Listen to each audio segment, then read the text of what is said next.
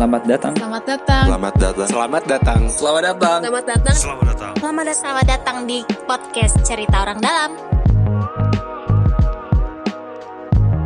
Oke, selamat datang di podcast Bacot, Barisan Cerita Orang Dalam.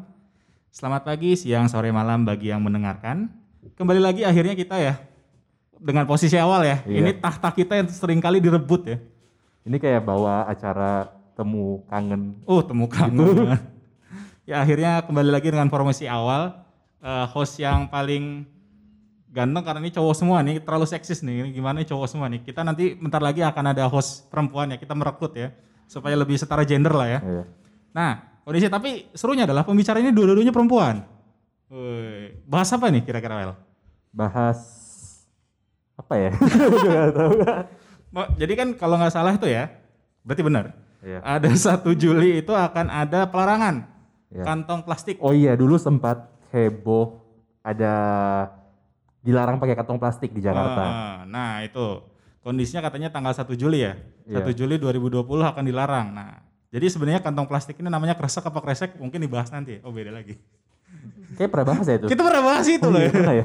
Nah, mungkin kita kenalin dulu di sini ada dua pembicara. Nah, ini ya tadi kita ngomongin nih cowok-cowok semua nih, pembicara untuk perempuan semua nih, girl power nih. Silakan mungkin memperkenalkan diri dulu, nama dan dari mana? dari silakan Mbak Tisa dulu atau Bu Rahma dulu, silakan perkenalkan diri dulu. Hai, eh, nama saya Rahmawati. Hmm. Saya Kepala Seksi Pengelolaan Sampah di Dinas Lingkungan Hidup Oke. Provinsi DKI Jakarta. Ahli banget lah. Bu Rahma. Waduh, Ya. Urat Bu Rahma ya. Lanjut. Hai, saya Tiza. Saya, eh, saya Direktur Gerakan Indonesia Diet Kantong Plastik. Uh, Ada singkatannya nggak gerakan? GIDKP. GIDKP. GIDKP. Saya agak-agak agak-agak insecure dengan kata diet loh ya. Kenapa ya? Untungnya kita podcast ya, bukan Oke. video. Gak ada yang lihat. Oke, nah lanjut nih.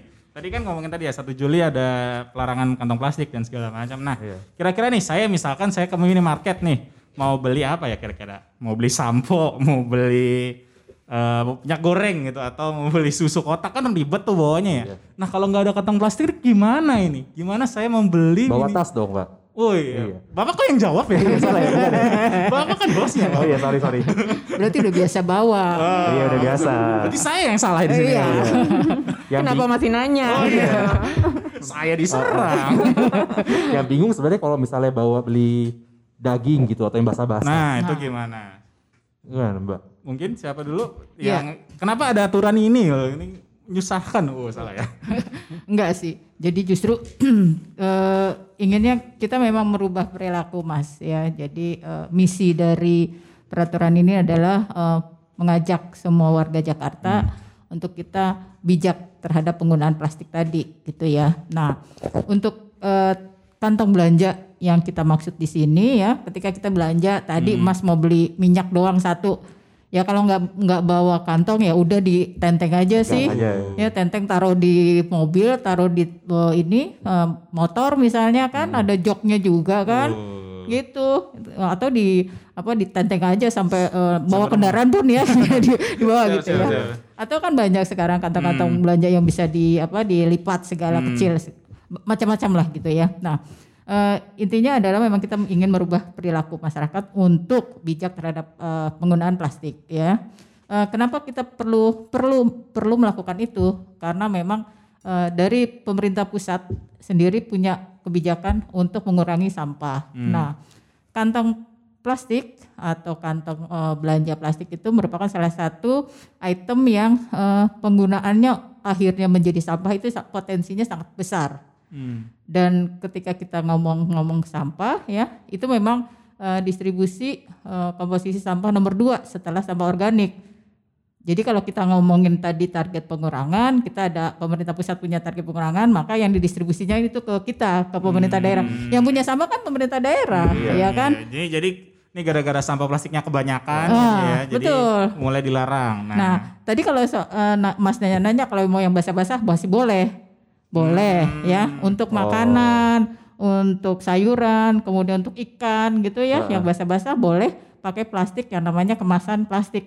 Mas tahu kalau kita ke supermarket kan suka ada eh, roll-roll Buat plastik yang itu ya plastik yang roll. Nah itu masih boleh. Oh, beda jenis ya sama plastik. Heeh, beda Ntar, beda. ntar kayaknya kita akan seru Gitu. tuh bahas teknisnya dan segala macam. Oh. Nah, tadi kan nyambung tuh eh, Bu Rahma bilang bahwa Kalau tadi ada ngomong target Ya. dari pusat, itu angkanya kira-kira ada berapa? Ada ya? Eh, tahun ini 22 persen. Jadi ada eh, ada Perpres ya Perpres eh, ta- eh, nomor eh, 97 97. tahun 2017 17 ya? Oh, tiga tahun ya? tentang eh, Jakstranas kebijakan strategi nasional pengelolaan sampah. Hmm. Nah eh, pemerintah pusat punya target pengurangan sampah 22 persen. Ambisius juga ya, 20 Oh, i- iya, tahu nggak 22 persennya berapa kalau Jakarta? Berapa ton tuh? 10 ton? Nggak Wih, mungkin. eh, 10 ton kecil Satu hari. banget. Satu hari maksudnya. Ih, 1800 ton satu hari. Saya udah sampainya dikit bos soalnya, jadi nggak Oh, kebayang sampai banyak. Alhamdulillah. Heeh. Nah, tadi kan Ibu nyambung lagi nih eh, sebelum ditikung, oh salah ya? Enggak lah, santai aja kita mah. Eh, apa namanya? em, sampah plastik jadi sampah terbanyak kedua gitu di di Indonesia dan segala macam. Nah, sebenarnya tadi em, kenapa sih eh, kenapa benar-benar dilarang dan segala macam? Mungkin dari Mbak Tisa sebenarnya kondisi di Indonesia itu sebenarnya gimana sih soal soal sampah, sampah plastik gitu? Ya, sampah plastik sekali pakai ya terutama ya Iya. yang menjadi target eh, beberapa macam pelarangan gitu dan kebijakan pengurangan. Sebenarnya pelarangan ini kan nggak bukan Jakarta nih yang pertama kali. Hmm, yang iya. pertama kali melarang kresek itu Kota Banjarmasin udah Hmm, dari Banjarmasin 2016 gitu. Oh, dari sebelum perpresnya keluar malah. Iya, Iya, justru mantap sebelum ya. perpres itu keluar gitu. Dan ketika Visioner lah ya. Banjarmasin melarang kantong plastik kan semua orang ngeliat nih sukses apa enggak, Iya. kesulitannya apa, terus kira-kira pada protes nggak masyarakatnya dan sebagainya. Eh, ternyata eh, lancar banget tuh eh, pelarangan plastik di Banjarmasin dan bahkan eh, masyarakatnya cuma dikasih waktu tiga bulan sebelumnya ya, eh, sosialisasi tiga bulan sebelumnya. Eh, dan Itu langsung pada jago semua ya tanpa tanpa kontak plastik ya? langsung di hari pertama pelarangan mereka santai aja bawa Oh, tas iya, belanja iya, sendiri iya, dari mantap. rumah. Santai Eh, emang karena siap apa karena orang santai santai ya? Atau mungkin nggak pernah belanja? Oh enggak. Masa nggak pernah belanja? Mungkin dua-duanya siap dan santai.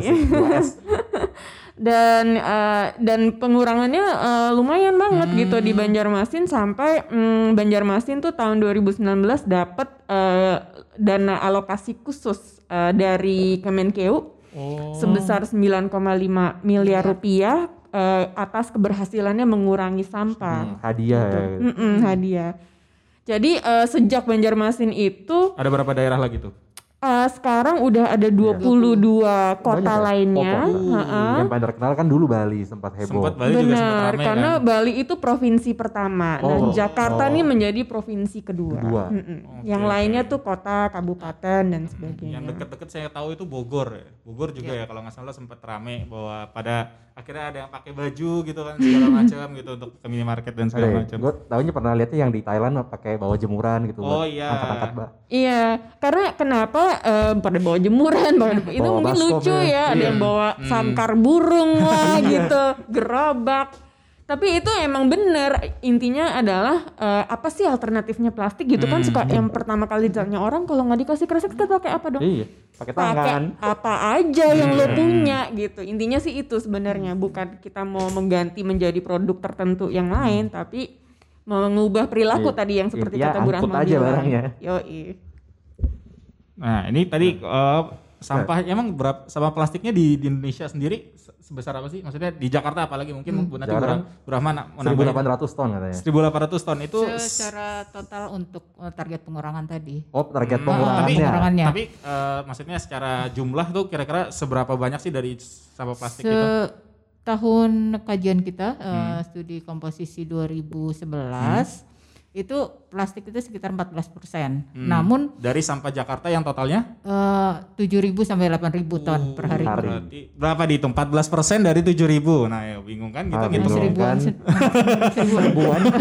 ya sekitar segitu lah ya. gitu. Iya. Pokoknya berat Ribut deh, jatuh. harus diet dah pokoknya. Oh. Lihat Nob. Emang Iya. emang banyak gitu. Berhubung nih fasilitas olahraga udah boleh buka loh. Iya. Udah pada lari deh GBK ya. Iya, lari. Tapi mau nanya ya, kalau ngelihat sukses story di Banjarmasin, Hmm. seberapa optimis lah kita di Jakarta nih? Optimis kok. Jadi sebenarnya Bu Rahma kan waktu itu eh, waktu kapan ya Bu? Tiga tahun yang lalu, Iya, empat tahun yang 2000. lalu. Udah pernah Aduh, dulu udah ya? lama sekali ini persiapan da- persiapan menuju kebijakan ini ya. Oh udah, oh dari dulu ya ini. Oh udah lama, udah lama. Dan yang pertama kali kan Bu Rahma em, punya inisiatif ya DLH punya inisiatif untuk memiliki kebijakan pengurangan plastik sekali pakai gitu. Tapi kan butuh riset dulu. Iya benar. Nah waktu itu kebetulan eh, diet diet kantong plastik bantu untuk melakukan riset itu. Sebenarnya kan nggak langsung bilang ya kita ngelarang sekarang, gitu, sekarang. nggak gitu. ya. Kan ada prosesnya. Apa sih eh, kebijakan yang tepat dan bagaimana eh, masyarakat persepsinya seperti apa, kesiapannya seperti apa gitu-gitu. Jadi berdasarkan riset yang udah dilakukan itu pertama eh, ketemu nih jumlah kantong plastik yang beredar di Jakarta ada 300 juta nih per tahun. Cuma dari gerai modern doang, eh, supermarket Oh, supermarket supermarket itu. aja ya. Pasar Mm-mm. belum ya. Itu belum termasuk pasar pada saat itu. Terus eh, tapi juga yang menarik adalah eh, lebih dari 80% saham- hmm, bahkan lebih dari 90% masyarakat di Jakarta itu setuju harus ada kebijakan pengurangan plastik, kantong plastik gitu. Dan lebih dari eh, 80% itu setuju mau dikasih harga kek, mau dilarang kek, setuju gitu.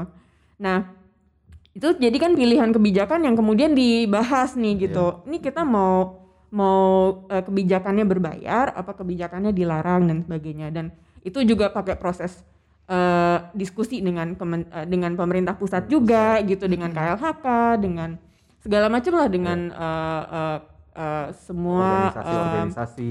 organisasi ada ada pihak swasta juga yang dilibatkan ada pihak masyarakat sipil juga yang dilibatkan dan sebagainya pokoknya se seingat saya tuh sekitar ada kali 10 kali, diskusi dengan berbagai pemangku kepentingan 10 lah kali pada ya. saat itu Kalau diskusinya sebulan sekali berarti hampir setahun ya tuh prosesnya. iya Oh iya, iya iya, iya iya. Lama iya, juga. banget lah pak Ini kota ibu kota pak, jadi ini terus lama kan. Ini Iya. tadi aja jangka waktunya mikirnya dari Januari ya kalau nggak salah perdanya. ya? Desember Pergub- akhir nggak, banget Akhir. Pergubnya. Oh Eh, Desember di- akhir ya? di- oh, Desember diundangkan akhir. ya, 31 Diundangkannya tuh Desember tahun 31 lalu ya. Desember. Desember Iya. akhir ya. Ah. Baru bilangnya boleh Juli nih. Baru Iya. boleh Juli kan. Nah itu sebenarnya dari rentang waktu itu kira-kira apa sih yang udah dilakuin sama Pemprov Bu? Maksudnya apakah ada sosialisasi, Oh, apa iya, ada iya. wuru-wuru gitu? Pasti, Yuk pasti. ganti-ganti plastik yuk, ganti plastik yuk. Enggak, gitu. yang yang pasti kan eh, yang pertama setelah diundangkan itu Hmm. kita perlu menyebarluaskan informasi iya. nih bahwa peraturan ini eh, sudah terbit, Hmm. ya sudah diundangkan dan akan berlaku efektif tanggal 1 Juli ya.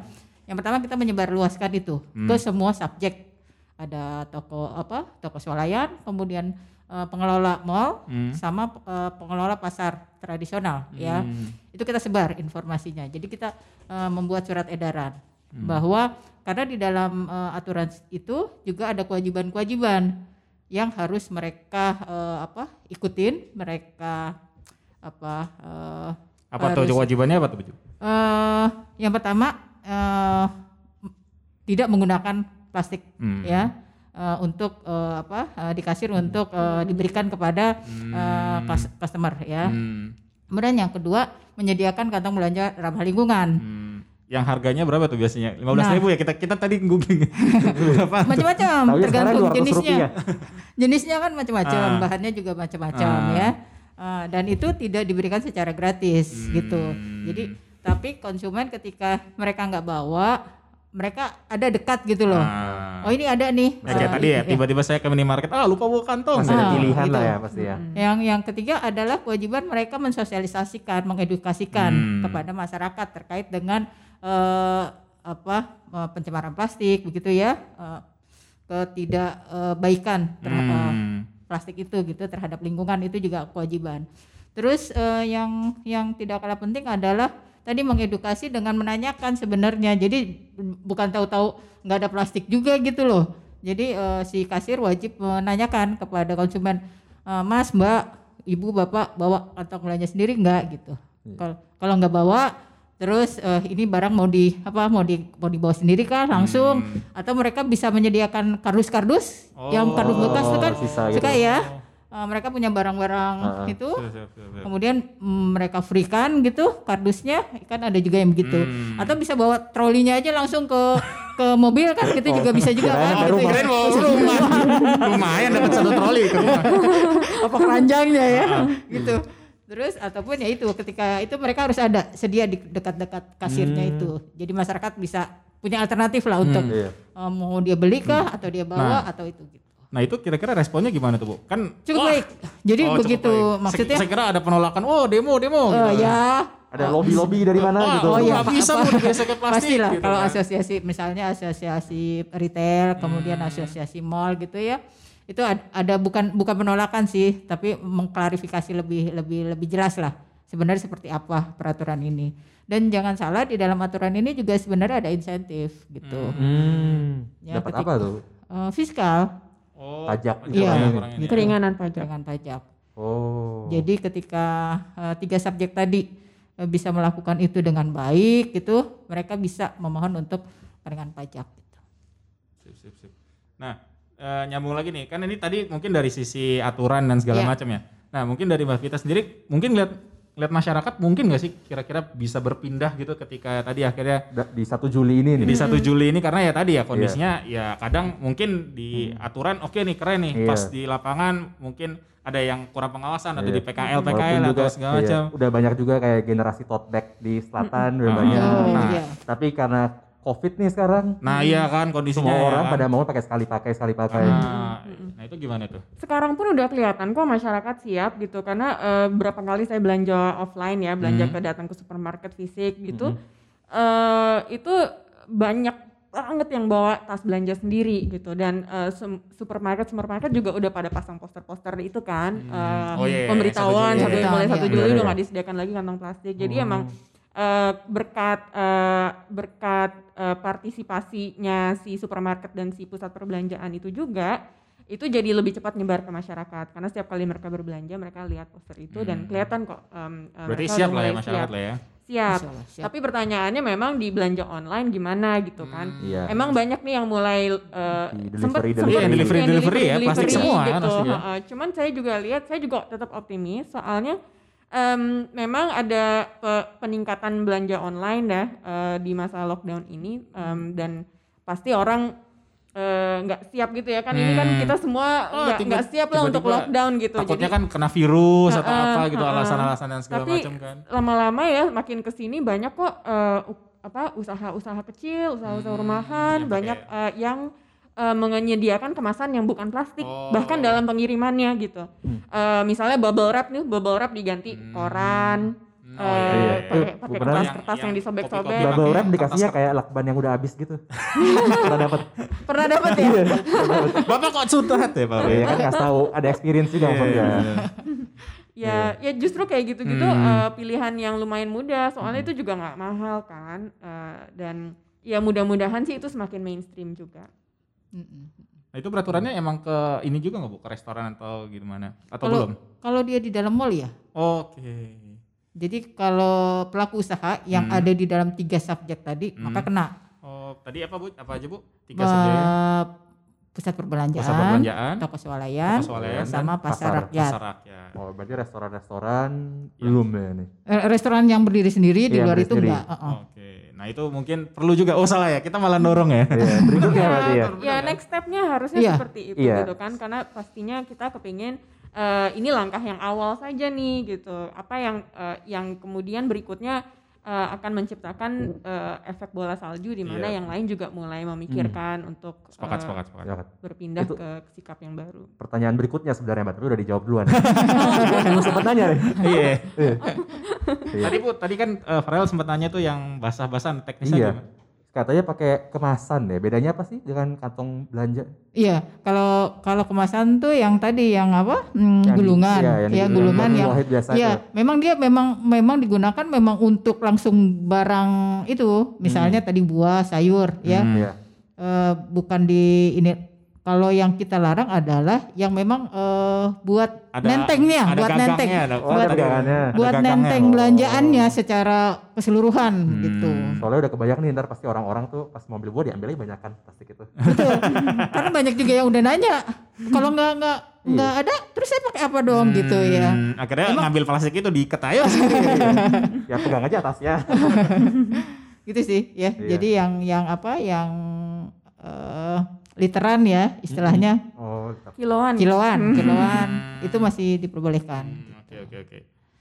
Nah, sejauh ini ya. nah berarti itu buat eh, kalau untuk apa namanya kira-kira eh, di dari dari pemprov sendiri kira-kira menyediakan nggak sih misalkan kayak ta- tasnya sendiri atau menjual gitu dan segala macam kan kadang-kadang ah ini ngelarang-larang doang tapi nggak Nggak solusi nih. ngasih solusi gitu Iya, contohnya gini ya kayak di eh, pasar rakyat itu kan punyanya pengelola eh, PD Pasar ya, Oh, Pasar Perumda Jaya, Perumda ya. Pasar Jaya. Nah, kita juga eh, menginginkan supaya Perumda Pasar Jaya itu ada store yang khusus Oh, untuk misalnya gitu ya oke. ketika ketika memang nggak ada ataupun toko-toko plastik Hmm. kan banyak Oh juga iya. di itu kan banyak Nah itu kan kadang ada pasar rakyat yang memang jualannya memang plastik. plastik, kan, Heeh, ya dia boleh jualan plastik yang tadi Jualan kemasan tadi ikan. masih boleh ya Oh, Oke. yang itu masih boleh. Nah, yang tadi kantong-kantong untuk eh, bawa belanjanya, kantong kresek itu ya digantilah dengan kantong-kantong ramah lingkungan. Mau dari kain kah, mau dari kertas kah, mau dari koran, gitu. Intinya nggak boleh pegang kantong plastik ada pegangannya gitu. Ya, ya. Ya istilahnya mulai mengurangi lah meskipun Oh, iya. tadi ada plastik-plastik yang lain kan. Satu-satu ya. Satu-satu Ya. pelan-pelan. Itu pun semoga ini. Semoga pelaksanaannya bisa ini ya, Iya, bisa iya, bisa iya. berjalan dengan baik lah karena Iya. ya tadi ya. Sebenarnya dalam prakteknya tuh ketika orang udah mulai membiasakan diri mengubah satu, itu biasanya ya, merembet Oh, tuh iya, ke iya, yang siap, lainnya. siap. Jadi karena udah karena udah kadang dibanding-bandingin jadinya. Ah ini udah ah ini baru segini doang gitu kan segala macam. Eh, kebetulan saya kan rumahnya di Bogor. Oh, ya. siap. Berdasarkan pengalaman maksudnya saya kan belanja berarti kan Bogor udah duluan nih, Hmm. ya. Saya belanja di eh, semua supermarket dari ujung ke ujung nih ya. Riset ya, Bu, ya? Survei. Eh, gitu Riset maksudnya apa belanja? Tapi kayaknya belanja bener aja.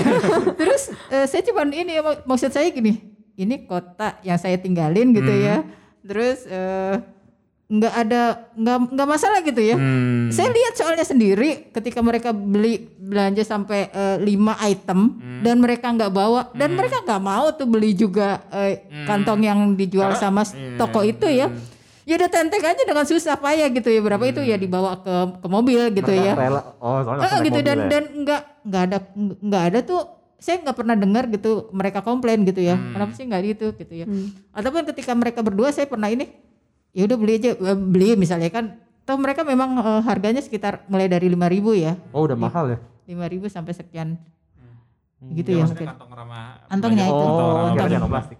bukan belanjanya. kantong belanjanya Iya, kan KBRL-nya itu Sip, sip, sip. Bener sih kalau ini semoga jadi awalan yang baik ya. Sebenarnya tadi kepikiran bu, ke- kan ini Jakarta mulai dan Bogor juga udah. Di Jabodetabek selain Bogor ada lagi gak yang udah? Bekasi ya Bekasi sih eh, punya eh, peraturan, tapi saya nggak tahu sejauh mana itu dilaksanakan benar-benar. Itu saya tapi udah ada ya kayaknya sih udah ada Terus sebenarnya eh, Kota Depok, eh, Tangsel itu juga udah mulai eh, merencanakan gitu kebijakan untuk melakukan hal yang sama. Hmm. gitu. Saya sebenarnya eh, sempat ditanya sama teman-teman ASN juga. Eh, Oh, pada bingung juga ya? bukan. Oke, right. Kenapa, kenapa di sampai di pelosok-pelosok Bogor itu kan kabupatennya sampai di ujung-ujungnya? Hmm. Ya kan ada juga minimarket yang di ujung-ujung itu kan Iya. ada dan tetap mereka tetap tetap nggak menyediakan gitu. Satu ya? Oh, tetap nggak menyediakan dan Malah ada itu tahu sempat ditanyakan ke Oh, itu saya. ka- kabupaten juga ini Iya ya? sampai kabupaten, sampai iya. kabupaten. Kan Alfamart ada di mana-mana. Alfamart Indomaret kan sampai di Wah ini harus disensor. Nyebut brand. Semangat bapak. Operator. Lanjut gitu lanjut. ya. Nah, maksudnya sempat ASN tuh nanya ke Ah. saya. Itu sampai di ujung-ujung aja udah udah kok kita belum sih gitu ya. Iya iya Jakarta sabar sabar sabar sabar sabar Sabar, gitu. sabar. Oke. eh, Provinsinya kita gede gitu. Iya.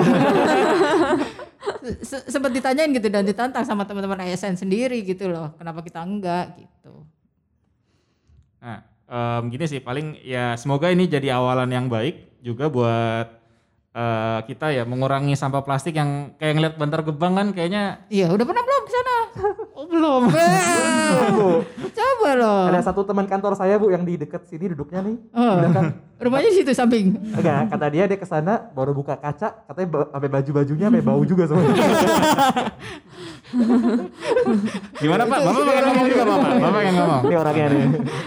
Pokoknya di sana bisa kurus deh soalnya nanjaknya lumayan Oh, curam ya. iya. 40 meter. Tinggi banget itu gunungan Iya, sampah itu di ya. situ. Nah, karena itu kan sampah plastiknya banyak dan segala macam. Semoga ini bisa jadi awalan yang baik juga buat Amin. buat buat pengurangan sampah plastik. Kadang-kadang eh, suka ditanya juga kenapa sih mulainya kok kantong plastik gitu kan banyak banget plastik-plastik yang di luar sana gitu. Kenapa nggak yang bungkus ini deh mie instan gitu atau misalnya itu tuh apa gitu Iya, kan tadi sachet dia kecap dan segala dibanding-bandingin, macam sempat dibanding- apa sih eh, kenapa sih harus eh, kantong plastik yang dimusuhin gitu Hmm. kadang-kadang suka ada yang nanya gitu nah sebenarnya itu ada data bahwa di Indonesia tuh di 15 sungai eh, di kota kota-kota 15 kota besar Hmm. di Indonesia yang punya sungai eh, sempat ada riset dari World Bank gitu ya dari Bank Dunia eh, sampah apa sih yang paling banyak ditemukan di sungai-sungai itu Hmm. dan ternyata sampah jenis plastik yang paling banyak yang dominan adalah kresek. kantong Kresek. kresek. Mm-mm. Jadi Ngalahin em, tutup botol. oh ngalahin jauh, ngalahin Apalagi jauh tutup dulu botol, yang dimakan sama botol. burung itu. Heeh, itu yang kayak namanya plastik-plastik yang lebih keras gitu ya. Hmm. Itu memang kecenderungannya banyak yang mendaur ulang tuh yang kayak gitu-gitu, Oh, tapi kresek nggak terlalu ya. banyak. Jadi eh kalau kita bisa mengurangi kantong kresek aja mulai dari kantong kresek Hmm. dulu itu udah signifikan tuh bisa membersihkan sungai-sungai di Indonesia. Tapi penasaran nih mbak, tadi ada ngomong ini. Eh pernah waktu waktu akhir tahun kemarin, waktu per, pergubnya dikeluarin, banyak nih orang-orang yang bilang sebenarnya lebih penting pemilahan daripada Iya. pelarangan Hmm. gitu. Kasihan nanti pemulung gak ada kerjaan lagi gitu atau Oh, apa gitu Iya. Tapi sebenarnya ini salah satu cara yang paling efektif juga ya. Pemilahan juga penting Iya. dan eh, pelarangan ini juga sebenarnya ngaruh ke pemilahan sebenarnya eh, itu saling berkaitan ya. Untuk eh, Pemilahan memang udah jadi kewajiban ya Bu Rahma ya dari sejak dulu ya Bu. Iya. Eh, jadi eh, tanpa peraturan pun itu sebenarnya udah jadi ke- kewajiban. Masalahnya mungkin orang nggak Iya. ngerti atau males. masalahnya di balai kota tapi baru ada tahun tapi ini. gini ada satu pertanyaan yang yang nyambung itu eh, kalau saya nggak punya kantong plastik saya mungkus sampah pakai apa ngadahin sampah pakai apa di Iya, rumah benar gitu juga kan nah sampah di rumah itu harusnya dipilah dan ketika udah dipilah sebenarnya nggak usah dikantongin plastik gitu. Karena kalau kita sampah yang yang yang organik yang mestinya dikomposkan ya jangan dibungkus plastik. Orang itu mau masuk kompos kok. Hmm. kalau dibungkus plastik malah nggak bisa dikompos.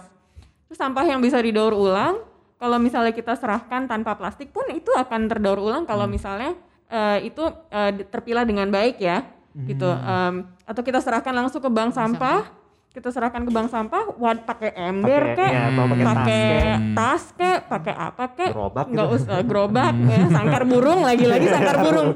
Bapak rumah punya gerobak Bapak.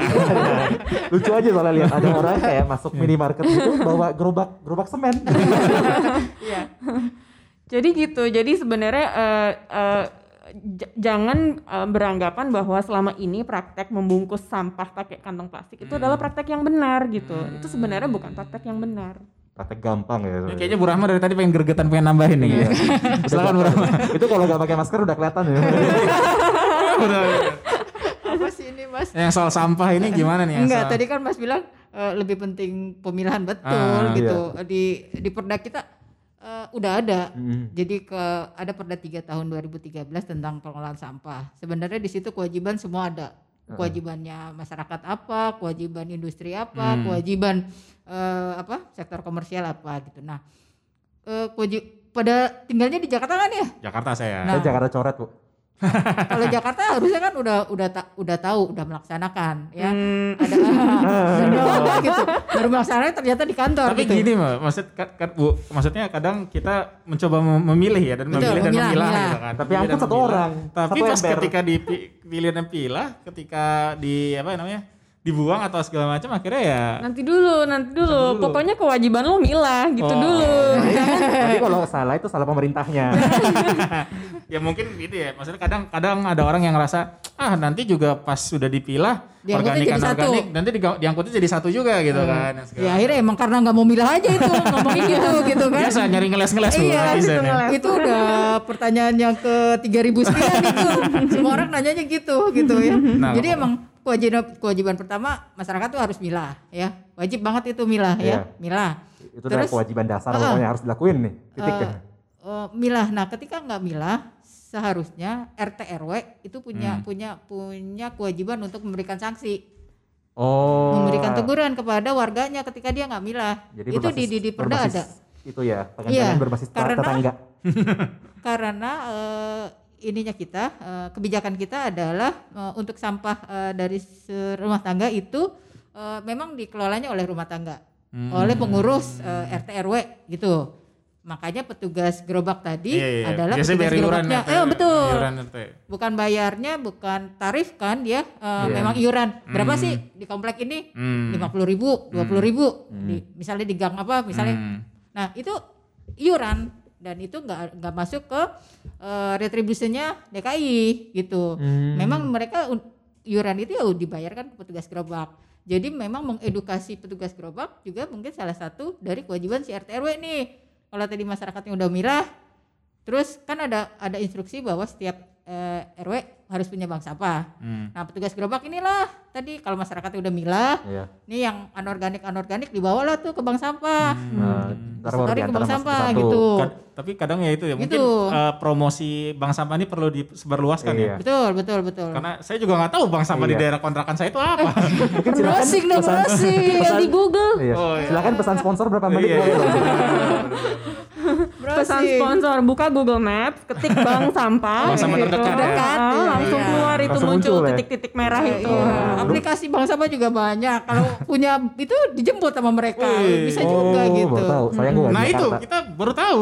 Saya bukan warga Jakarta jadi nggak bisa. Ngeles lagi. Les ya Bapak ya. Bapak kan dulu tinggal di Jakarta.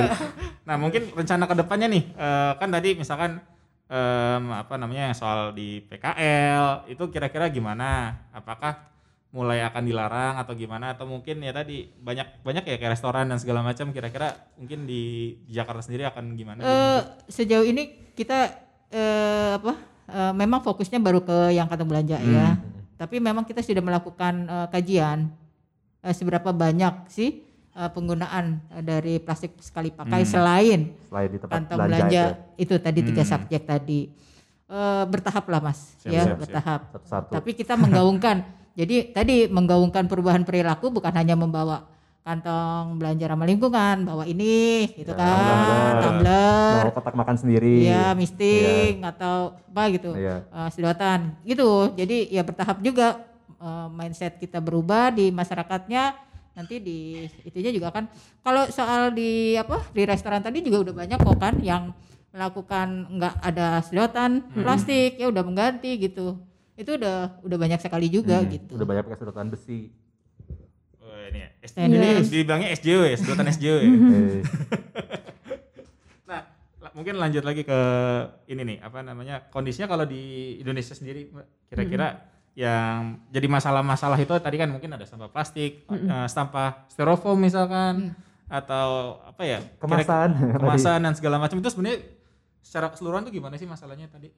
Ya, jadi eh, di Indonesia tuh sekitar berapa ya? Eh, pokoknya em, lautan Indonesia tuh cukup tercemar dengan Hmm, plastik oh iya. sekali pakai dan bahkan eh, menurut risetnya Universitas Hasanuddin tuh memang mereka eh, fokus di eh, apa di marine research ya.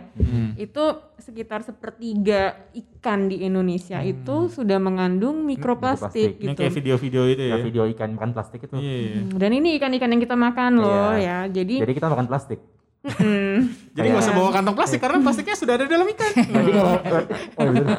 berarti kalau beli berarti kalau beli gorengan kita makan plastik juga. Iya.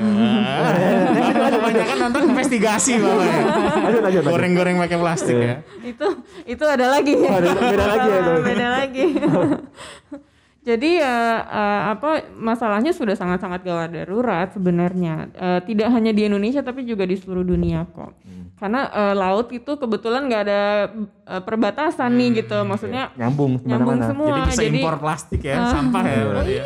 iya Bahkan- banget. Banyak berarti. iya soalnya apa kan eh, Jakarta ini kan ada Kepulauan Seribu Iya. nah sampah kita yang di Kepulauan Seribu itu bukan cuma dari pulau Dari Lampung ya. Eh, bukan pulau eh, bukan pulau-pulau yang Pulau Seribu itu justru dari pinggir-pinggir itu tadi yang Betisa bilang dan itu Ini lupa ya kita udah pernah episode sampah loh. Pernah, kita ber- pernah bahas ini, makanya saya tahu. Ya, jadi nah eh, plastik sekali pakai itu em, meskipun dia bukan eh, plastik yang dominan diproduksi oleh eh, produsen i- plastik, dia kalau nggak salah cuma 0, eh, cuma eh, kurang dari lima persen lah dari total produksi industri plastik. Hmm, paling gede apa? Em, hmm, botol. paling gede tuh lay- plastik layer kalau nggak salah. Tapi yang pasti Oh. eh, kresek styrofoam itu nggak sampai 5%. Heeh. Nah, Styrofoam Tapi- plastik juga kan berarti ya masuknya ya. Iya. Iya, polystyrene, polystyrene.